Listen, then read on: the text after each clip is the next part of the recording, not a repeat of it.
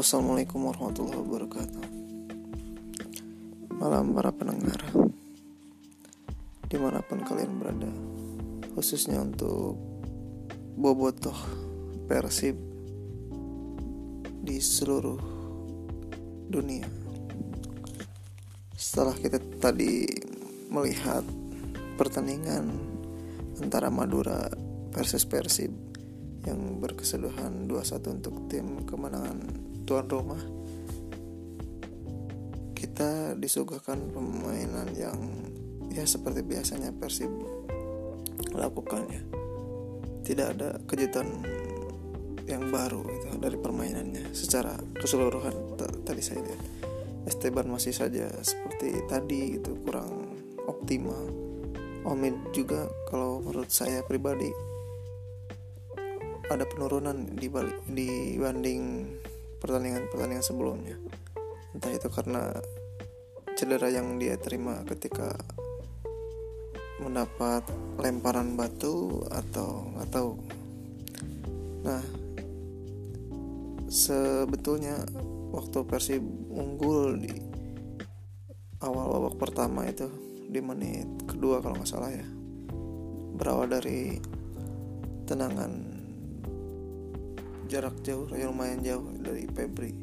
Yang sebetulnya itu mau mengumpan tapi beruntung masuk. Sebenarnya permainan tuh udah kepegang. Namun lengah ketika tenangan bebas yang diambil oleh Abimanyu Satria apa sih namanya itu? Satria mana Abimanyu kalau nggak salah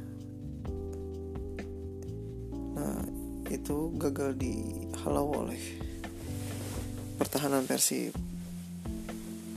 terakhir Nick Kuiper tuh mau membuang bola ya tapi pas kita lihat di replay ya kena pemain itu pemain Madura.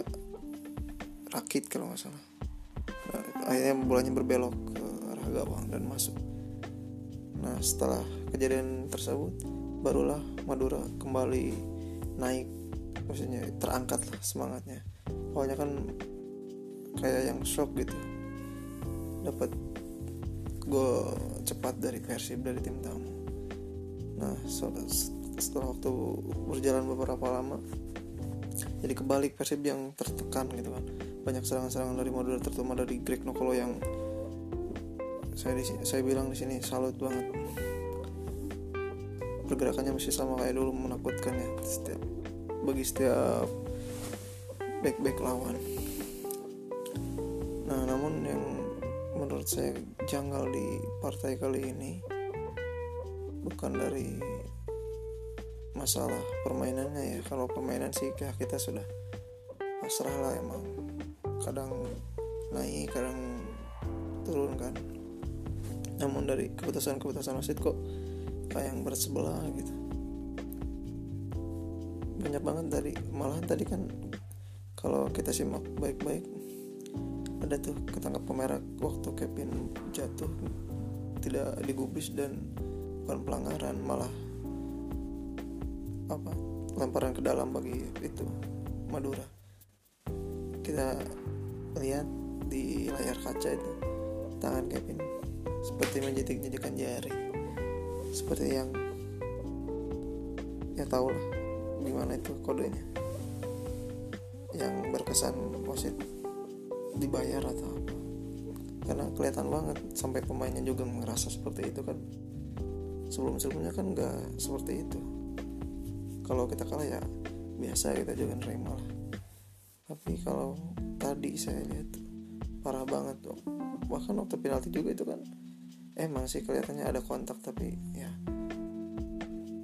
itu mah cuman gimana ya? Antara trikinya si pemain sama Jupe juga emang dia udah kelewat gitu. Tapi ya apa saja itu dapat penalti. Secara keseluruhan sih pemain Madura juga nggak terlalu bagus banget sama lah bisa diimbangin lah. Karena kalau di Liga 1 kan nggak ada yang mencolok-mencolok banget kecuali kalau Bali. Saya juga kurang kalau musim ini nih terutama pas habis ketua PSSI-nya banyak yang ditangkap. Jadi rasa ingin nonton liga domestik tuh berkurang. Ya karena ada Persiba aja gitu. Saya juga mengikuti dikit-dikit. Bahkan saya nggak tahu kalau sekarang Bali United yang ada di papan atas. Nah seperti itulah mungkin ke depannya Persib bisa meraih hasil positif di laga-laga selanjutnya. Atau ini mungkin faktor kemarin ya kita harusnya lawan Arema di Bandung tapi ditunda karena polisi yang tidak mengeluarkan surat izin. Tapi apa daya kita harus terima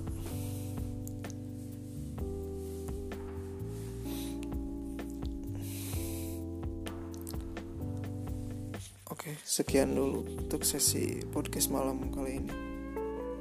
Jangan lupa dengarkan podcast CLID khusus uh, bahas versi ya di CLID channel podcast yang insya Allah nanti saya akan sambung ke fanpage saya yaitu Front Pembela Persib kita akan bahas tentang Persib khususnya di episode episode selanjutnya bersama tamu-tamu lainnya yang saya akan undang. Oke, selamat malam. Semoga mimpi indah walaupun gak nyenyak tidur. Assalamualaikum warahmatullahi wabarakatuh.